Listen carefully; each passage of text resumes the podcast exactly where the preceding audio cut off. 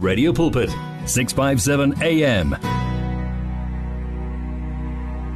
Ngoba besikhuluma ke ngeforgiveness eh kulolu suku ya ingakho ke sithe baba eh siyabacelela kuwena ukuthi bathethelele ngoba abakwazi lokho abakwenzayo. Eh kanti leyo sanda kuphuma uZek Sibiya ethi Lord your way isikhathi ke sithi 17 after 4 singena ke ku the final hour eh singena kwi discussion yethu yosuku um njengoba ke sizokhuluma about the the work of faith. Eh namuhla ke sivala ngokuthi si encourage abomama em eh nanoma kuukuthi akusinga asika akusibona abomama sikhuluma na wonke umuntu um in fact ngithi nje abomama ngoba besikule nyanga yabomama kuukuthi konke sikukhulumayo sibhekise kakhulukazi ke eh kubona mhlawumbe ungumama namuhla uyasho uthi you know um mfundisi um Tebogo um I have received God's word and I have faith. But ngiba discouraged uma ngingaboni ama results of ukukholwa kwami. And ngiyastruggle with the same issues over and over again. So yilokho sikhulumayo namuhla ukuthi uma nawe uyilo muntu ukhuluma nje ngalomuntu engikhuluma ngaye namuhla ukuthi yazini ngiyakholwa? And angicabangi ukuthi kukhona engikwenzayo okungamjabulisi uNkulunkulu. And sokuyikhathe eziningi ngiza kuyena ngithi baba I'm struggling ngalokho nalokho um angikwazi ukuthi mhlambe ngindlulise into ethizeni. Angikwazi um earlier on mfundisi besikhuluma yeah. about forgiveness. Mhlambe omunye uthi I'm stru I'm struggling um ngokuthi ngiqolele. Omunye uthi I'm struggling ngokuthi into uma iyenzekile kumina ngindlulise and uh, you know umuntu okholwayo kuNkulunkulu nanoma ukhuleka uthi ngiyazi ukuthi ubaba uzongisiza kulesi simo kodwa iloku iyaqhubeka lento iyenzeka. So sikhuluma ngalokho namhlanje sithi um si encourage women to be results oriented. Mfundisi Tebogo sawubona. Sawubona magodi kaJesu. Nabo bonke abalaleli eh bala eRadio Pulpit. Eh ngithi ngempela usimakade usigcine kwaze kwaba la. Eh kuyinyanga yabomama we celebrating women. Mm. eh we had different women uh, throughout the month and i believe they blessed us uh, in a mighty way by minister ngithi Dr Nelly uDr. Lesego no Pastor Elsie last week. Mm. ngiyathemba eh sifundile mm. and lokho sikufundile sizokuapply empilweni zethu. So namhlanje ke siyavala we are rounding up uh, the month and we are saying that uh, our faith yeah. has um to be seen ngabantu. And has to be evident because iBhayibheli liyasitshela ukuthi faith without works is dead. And uh, if we apply the the um law of first mention eBhayibhelini iqale ukukhulunywa ngefaith ku the book of Hosea and God said that just abangcwele shall live by his faith. So we are required as women of God, see ama believers to walk by faith, not by sight. So um you will ask yourself kodwa kana siyazikhumbuzana la ukuthi yini le faith what yeah. is faith yeah. and then we will look at what the bible says faith is mm. and sizovula laphayana in the book mm-hmm. let's let's start um ngo James 2 James 2 James 2:26 mm. the way it says the um the just shall live by his, is his faith mm. so we're saying what does it mean ukuthi ifaith yini ngempela ukukholwa lokhu mm. kuyini mm. ne mm. okay u James usomtholile sisibahle Uh, James 2 oh okay. Bothi mina ngi ngibheke eh cha cha bengingakayifuni Okay, mfundisi ke. The Yeah. just shall live by his faith or by faith or what does it mean eh, ukuthi ifaith yini? Mm-hmm. but ke uJames 2 uyasho ukuthi um James 2:22 ne? 26 mfundisi wami. Of uh, James 2:26 26 yeah. Without njengoba besishilo ukuthi without Mm. faith without works is what is dead ngicela Yeah. sifundele mfundisi Okay um asifunde la ku James 2:26 uh it is iyona le as the body without the spirit is dead so Yeah, faith, faith without, without deeds, deeds. yes is dead without ama deeds yini Imisebenzi. imisebenzi Yeah. Mhm. so we as the saints we are required to bear ama fruits with mm. faith mm. Uyokholo lwethu and yes faith is the substance of things hoped for and the evidence of things not seen mm. kodwa um kuko konke lokho we said we walk by faith mm -hmm. not by sight Yeah. so we have to believe God noma izinto zingabonakali mm. because the bible tells us that the unseen things controls the physical things mm. so it starts with our faith ukholo ukuthi noma ngingaboni izinto zenzakala mm. i will not lose hope. I will trust in the lord because the lord has promised ezwini lakhe ukuthi uzokwenza whatever that he has promised. And if faith comes by hearing and hearing the word of god. So we have to make make it a priority each and every time we keep hearing the word of god over and over again. Masiba dis discouraged. We encourage ourselves with the word of god not ngezinye izinto. We look unto the word. Asibheki ama circumstances e- ethu but we we stand by God's word because izwi likaNkuluNkulu cannot be broken. Uma ethembisile kuzokwenzeka. It does not matter how long it takes uh, and it does not matter uh, ukuthi uh, ama forces angaphandle like we were saying ukuthi we we have to be able to recognize the voice of God. Agu agu it does not matter. Thina we just stand on the word of God. And another thing sisibahle izinto like you were saying ukuthi sometimes we as as we, we see we have confessed the word we have the faith and bese kubonakala ngathi izinto azenzeki. What do we do then? Another thing that we need to understand is that in life there are seasons and times we go through seasons and times in life there are seasons yesummer mm. season ye winter spring autumn mm. it would be so unwise for me to pray ukuthi i- isummer ingezi whether i like it or not lawo ma seasons azoba khona empilweni. It's a law spiritual law and it's a law also of nature ukuthi we go through seasons.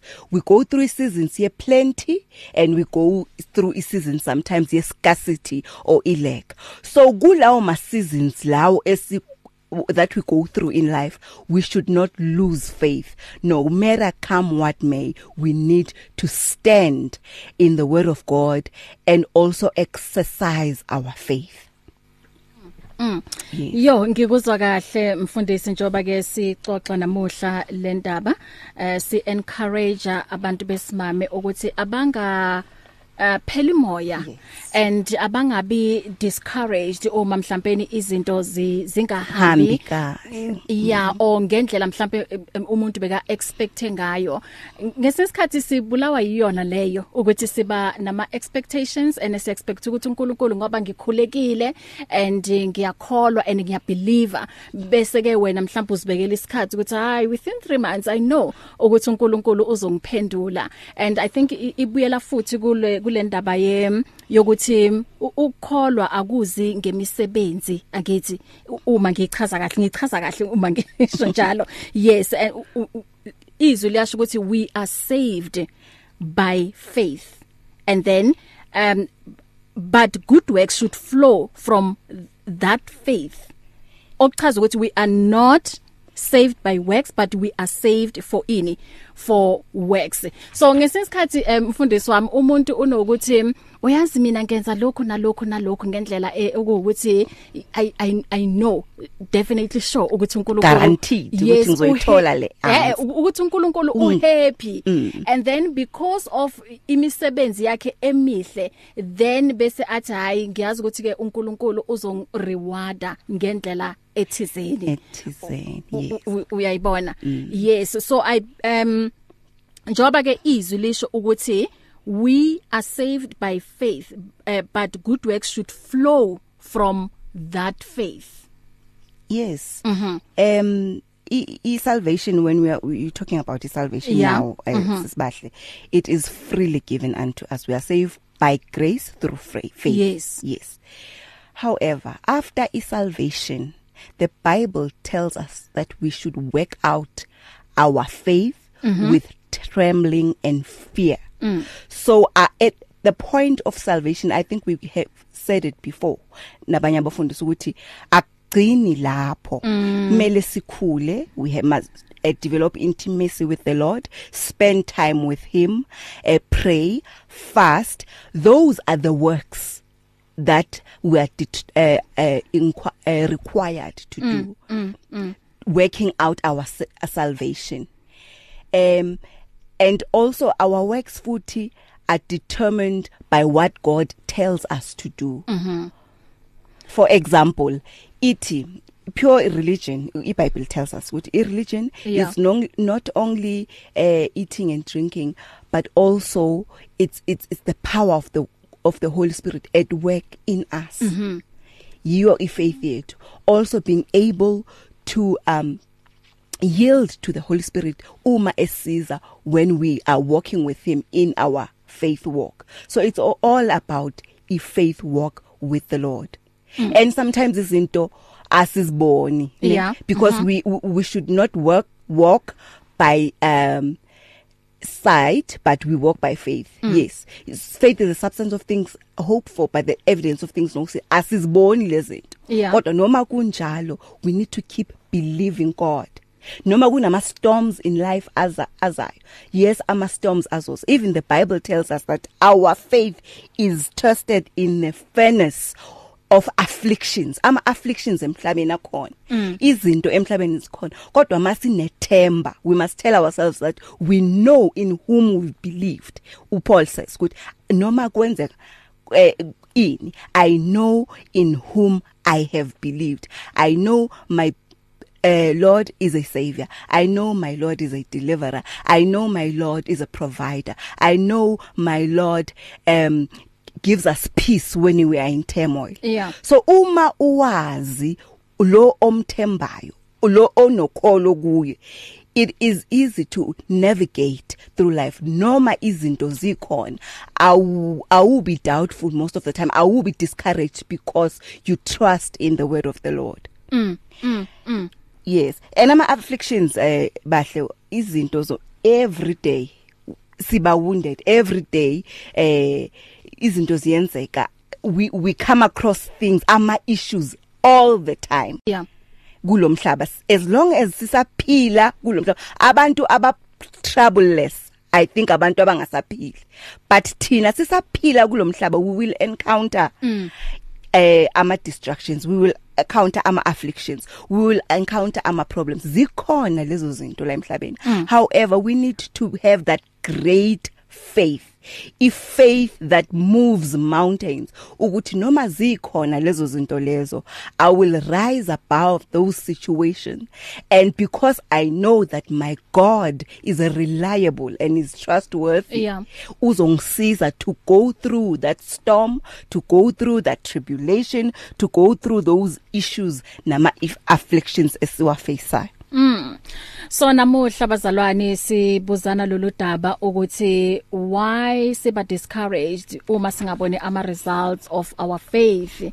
And uh, nanokuthi why we are struggling with the same issues over and over again okay.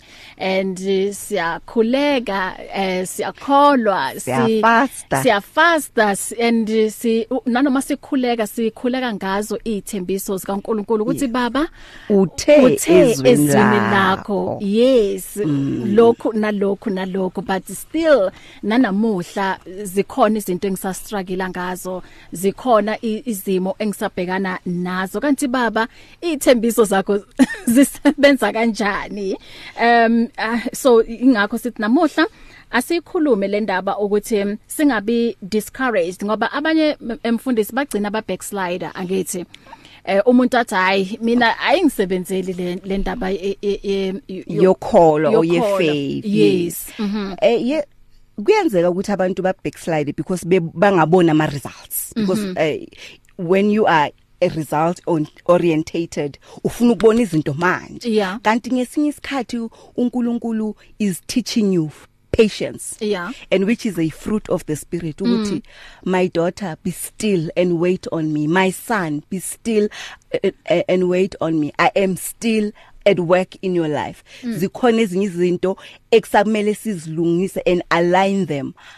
So ukungaphenduli kaNkuluNkulu it's not a denial. Mm -hmm. it's either he's he's teaching you there is there's a le lesson.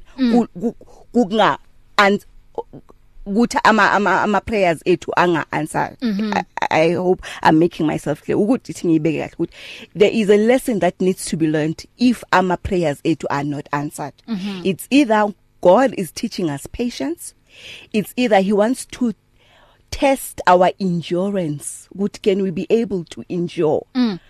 as angeke sifuna ama shortcuts and end up creating abo Ishmael kanti usibekela abo Israel mm. uyayibona? He he tests our patience and endurance nokuthi siyamkholwa ngempela.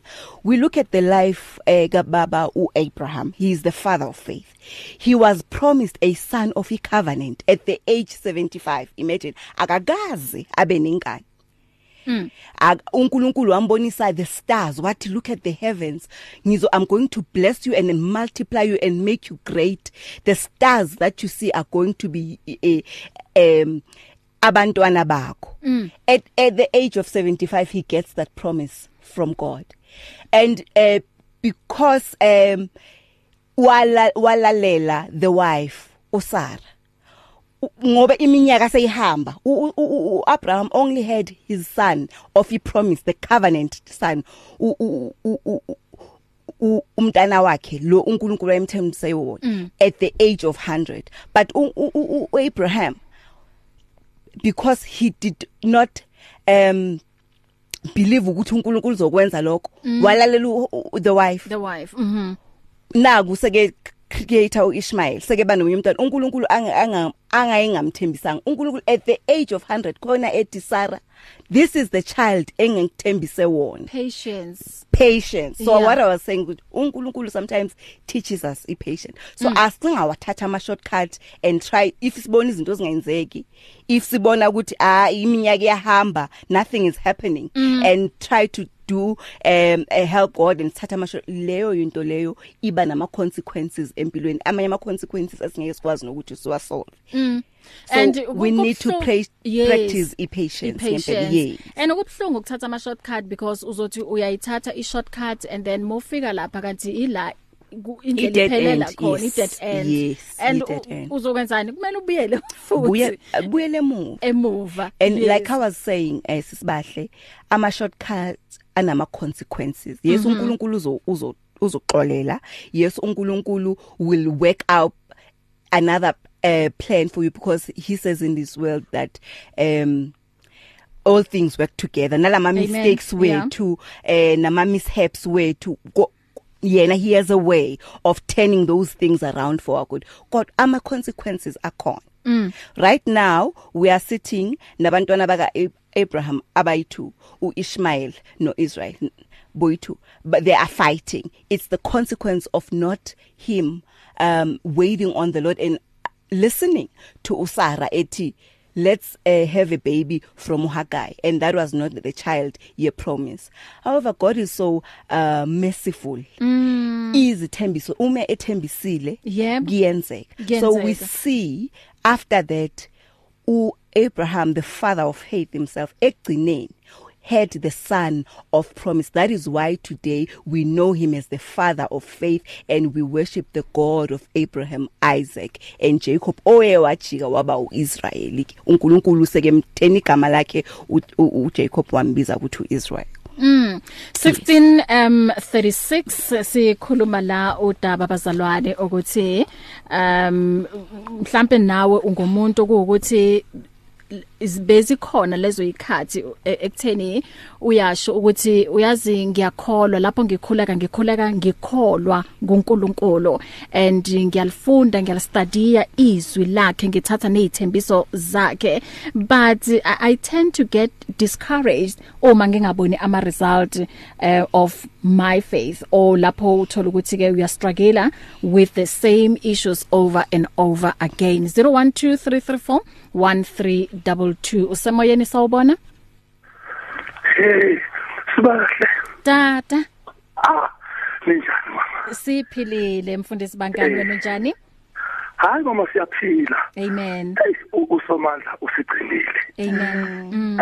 Watsho kamnandi umama ufusi kwakho madoda. Hey, ukuba phulaphuli bepulpit mama ndiyabonisa ngakristu igama. Mm. Hey. Eh, izinto sibahle azenzeki. Eh ngi- ngineminyaka mininzi ngikholwa but abantu bandibuza ukuthi hayibo lo Thixo kababa bangani? Usebenza kanjani? Mm. eh akabi kunamoto akanamzi akaphangeli. What is actually happening?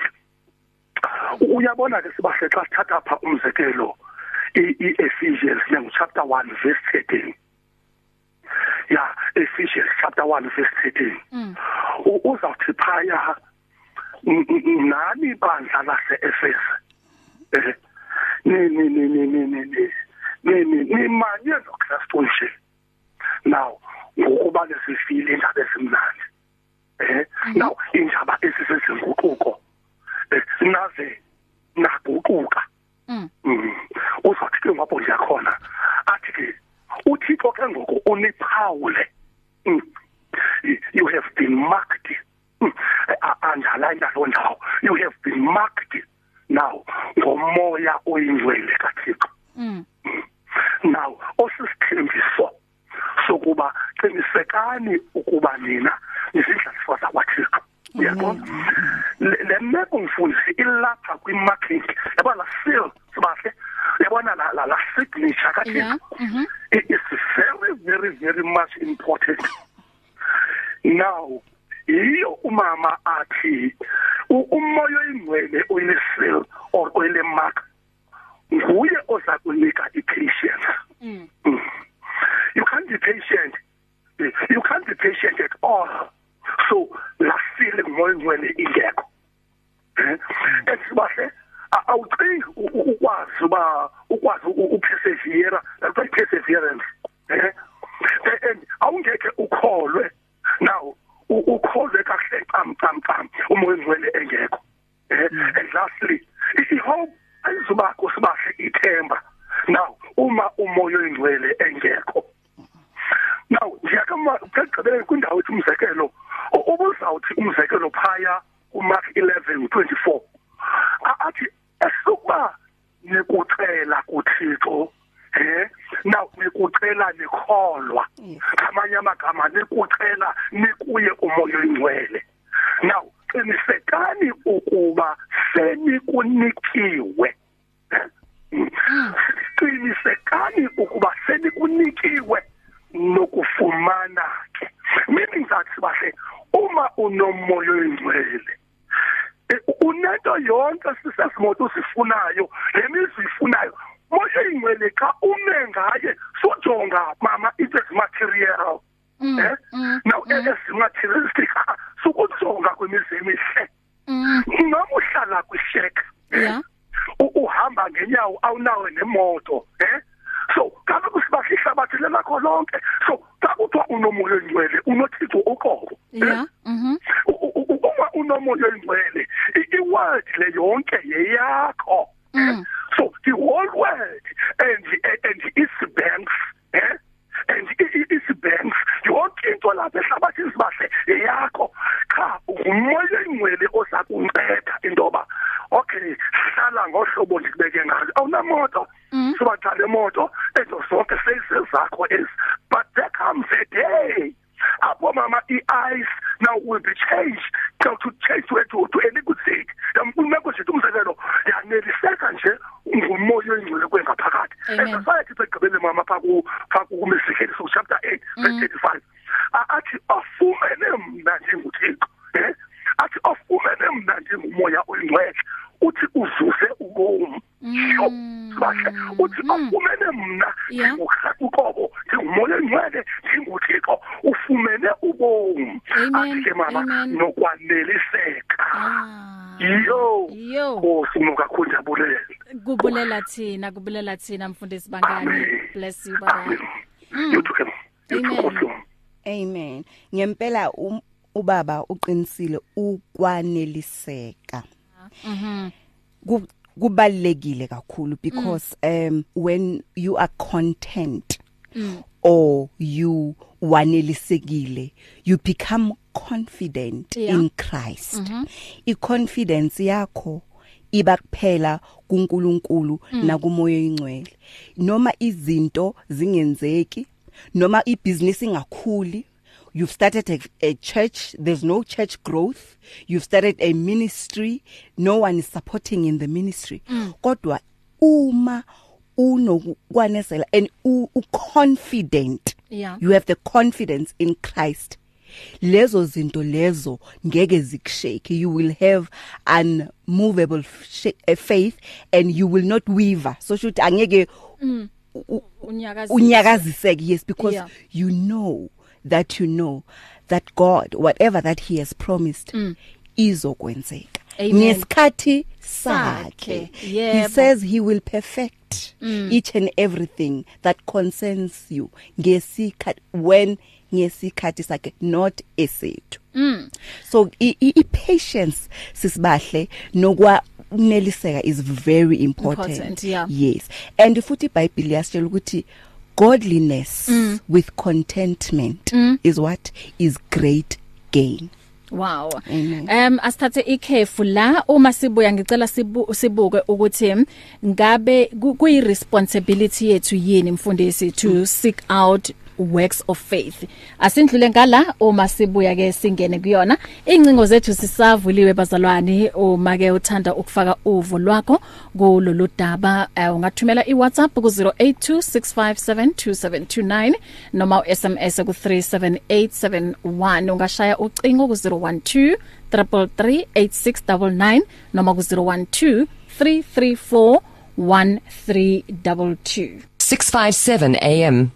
If you need prayer, please send your request to prayer at radiopulpit.co.za or WhatsApp 067-429-7564 or go to Radio Pulpit website on www.radiopulpit.co.za. Words of truth and value. You'll find it on 657 AM. We are doing it again. The Radio Camp live on air.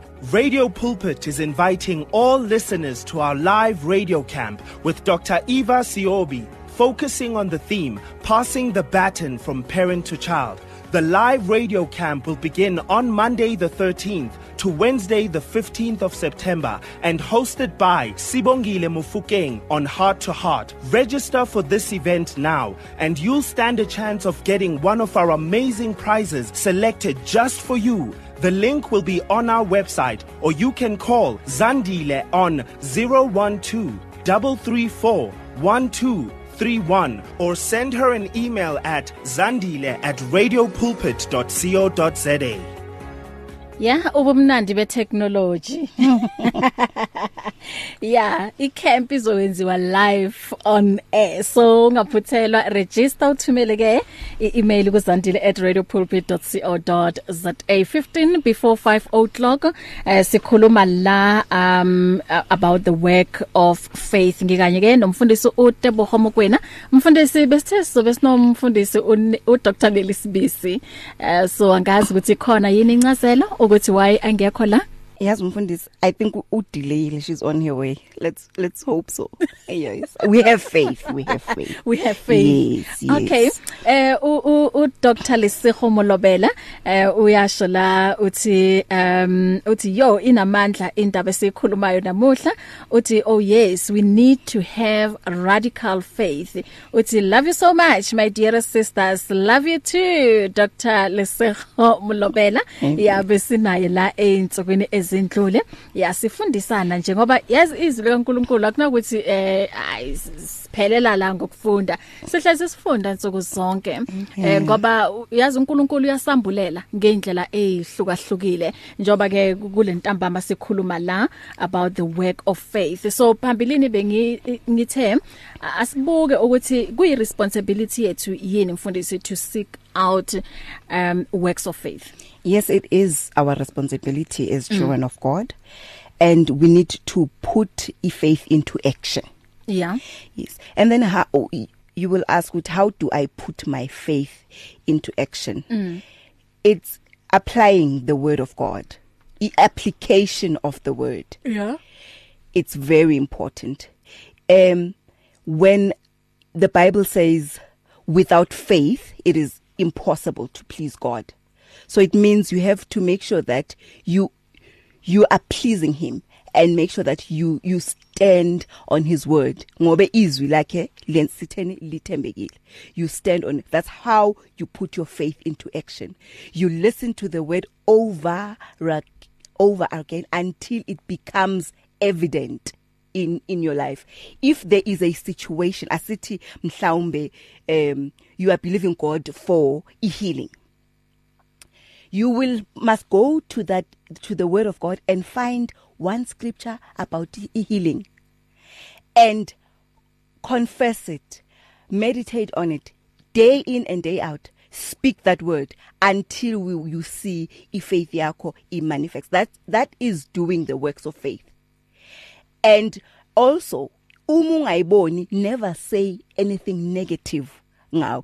Don't ever say ah kunini confess ukuthi eh by his stripes I am healed. So it means that thing it's it's not working. Then yeah. you stop confessing it. So so so emotionally ke ifaith yakho lapho. You need to confess it. Noma usathane anga amplify your sickness. Noma about doctor bakutshele a negative report or whatever it is mm. you stand on that word until it is made manifest. That's how you put your faith in action and that's why we, we apply our faith. Ukuthi no, against all mm. odds sisibahle yeah. no matter come what may we just we stand mm.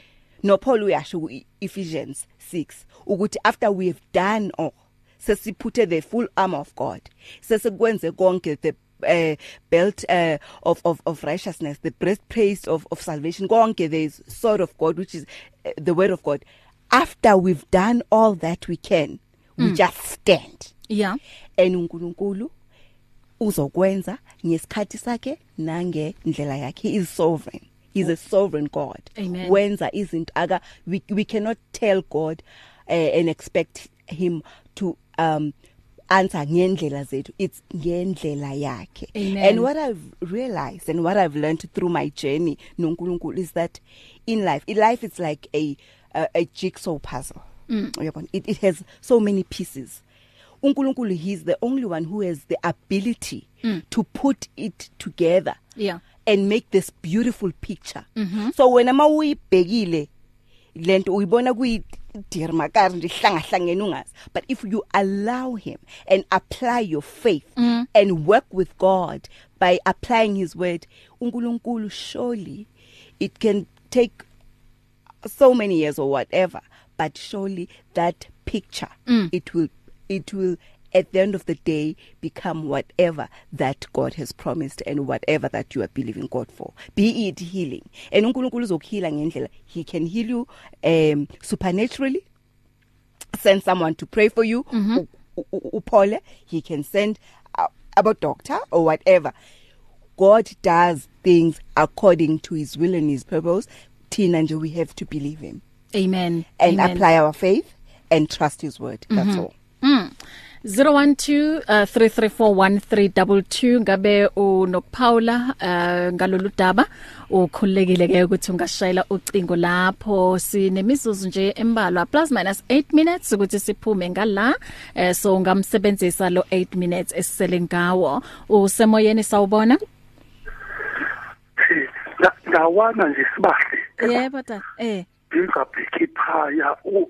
Uyabona umama uziphukumisa ukulanda ithetha ngepower mm. now power of the positive mind yes mm, mm, mm, mm. power now of the positive mind sitho uyabona senzelwe sibahle i role model esinjengomama uHana apha mm. eh so ukuze sifunde pha kubo now siyazi ukuthi imeko okanye ingxaki esidibana nayo ngoku ayiqali ngathi yeah eh babekhe ohana babasi encounterisha ingxaki njebumama silokuthi naba osara umsekelo eh so natural speaking usara or biologically speaking usara wayengenaba nayo umntana. Mm. scientifically speaking wona wayengenaba nomntana tu kodwa sibahle sisebenza uthixo osebenza ngeimpossibilities eh? wabe yena esazi uba unguthixo and akukho okunokungizeki kuye ethanda yebo. bathi mama ngeli xesha uthixo athanda ngalo eh? So sinikwa ke umoya oyingcwele. Uyabuma ukhe wasinikwa la skills bahle win i don't care noba uhlala kwishack. I don't care noba uthi kodwa songulumela ngesuit 8 eh uba nje ufumene la skill amen. yiyo ezakugcina unane okuthiwa i-positive mind eh yabona omesheko seseke no Abednego ubathi uthixo siqi yabona uthixo bangaba uyathanda but this is not going to happen makube khosi kathi bahle into ezaba lapha kwenza phakathi. Uyabona ke lolu phawu ke oludingwa millions and billions of people worldwide uze bakwazi ukunyamezela. Siyasibasha umzekelo ukuhamba nothixo uthandwa nguthixo akunganxa yento esibonakalayo uthixo ummain concern umphefumulo cha as wardrobe ngezizindlu ngezimali yes? They are okay no problem but akusona zona zinto. Now ezawubonakalisa ubukho bukathixo kuthi kuba singanazo kanti mhlamba zisanga ngale ndlela. Izukwisa uthixo mama mantweni kusikelele mm. Siyabulela tata. Yo. Namandla yo 1653 0123338699 012334132 asiye la kwi voice, voice note mfundisi? Jo vase wathi di. Re ke tse ke le sara ke a tse aya ba ke sa mo emetse Isaac. Mm. Ba tla tla ka nako e tshwanetseng a ya le boa di topic tsa tsatsile mm. Anki o tla tla Isaac. O tla tla ke maschaba nna yeah ke a mo tshepa modimo e a ntshepisa ke a tseba hore o tla tla Isaac kana at the right time. At the right time. Thank you baruti. Bye. Thank you Mesara. Hey mfundisi sithi ngibakhumbuzela ngoba ngizophuma. Ngicela bonke abantu ukuthi ngithe namuhla ngizobabusisa ngeincwadi Mam Irene Kosowethu please send me your address ngoba uma ngingayitholanga ngiphu ngi uma ngizophuma la ngingakayitholi ngeke ngisakwazi ukuyithola. Kungena ama WhatsApp amaningi nama SMS amaningi la. Eh akusiyimina ngisebenzisa ngedwa le WhatsApp number. So uma ngayitholanga la angeke ngisaphinde ngiyithole. Ngithole kuphela yaka Mam Khadebe. Eh Mam Irene eh Mam Thabiso. Mesara akitsibi ya hao kitlele yona. Okay. Eh mamtsikelelo nawe eyakho iaddress angayitholi ngicela ukuthi ngi- ngingwathola ama address wenu. Nginikeza nje 5 minutes. Uma 5 minutes ungaka ungaphela ngingakatholi ama address wenu ay ngeke ngikwazi kuyi- kuyithumela incwadi umfundisi wami asigoqe kahle ke? Yes. Ngempela um faith in god is important. Yeah. Without faith um we cannot make it. Yeah. We are i- required by him to walk by faith not by sight. Amen. Noma izinto zingenzeke siyalinda siyahlala ebukhoneni bukaNkuluNkulu. Sigqoka ubungcwele sigqoka Christ and sibeliever izwi lakhe. Yeah em ekugcineni ngesikhathi sakhe uNkulunkulu ngendlela yakhe uzokwenza lokhu asithembise khona. Mm eh asinga create like umama Shilo abo Ishmael. Mm. Kodwa simele abo Isaac bethu the children of i promise amen. So uNkulunkulu uma ethembisile kuzokwenzeka singamncedisi ngokuthatha ama shortcut sishilo. Yeah. Sihlale kuye simthembe mm. and sihlale emkhulekweni and above all else confess his word. Amen. Leyo yona ibalekile noma sibona izinto zimnyama kanjani keep on confessing God's mm. word mm ama confessions ethu ayasiza ngempela Yeah. because loku esiconfessayo yiloku esizokubona isikhathi masihamba Mm. amen Amen amen amen eh mfundisi wami uma ungasekho la emoyeni bakuthola kuphi ngikhona ku 079 093 5027 mhm and then futhi ku Instagram Miss Tebogo Mokoena okay. Phela yeah. Ah Instagram and WhatsApp only. On WhatsApp only yes. All right eh ngisazama uk- ukubhala something lana. Yeah 10 yeah 611 yo okay. Eh bazalwane sibongile impela ukuthi sibe ndawonye nakulolu suku. Umfundisi wami ngiyabonga ukuthi nje usiphi isikhathi sakho. Eh ufike ngala. Sizokhuluma le indaba ezinhle and sakhekile ikakhulukazi singabomama.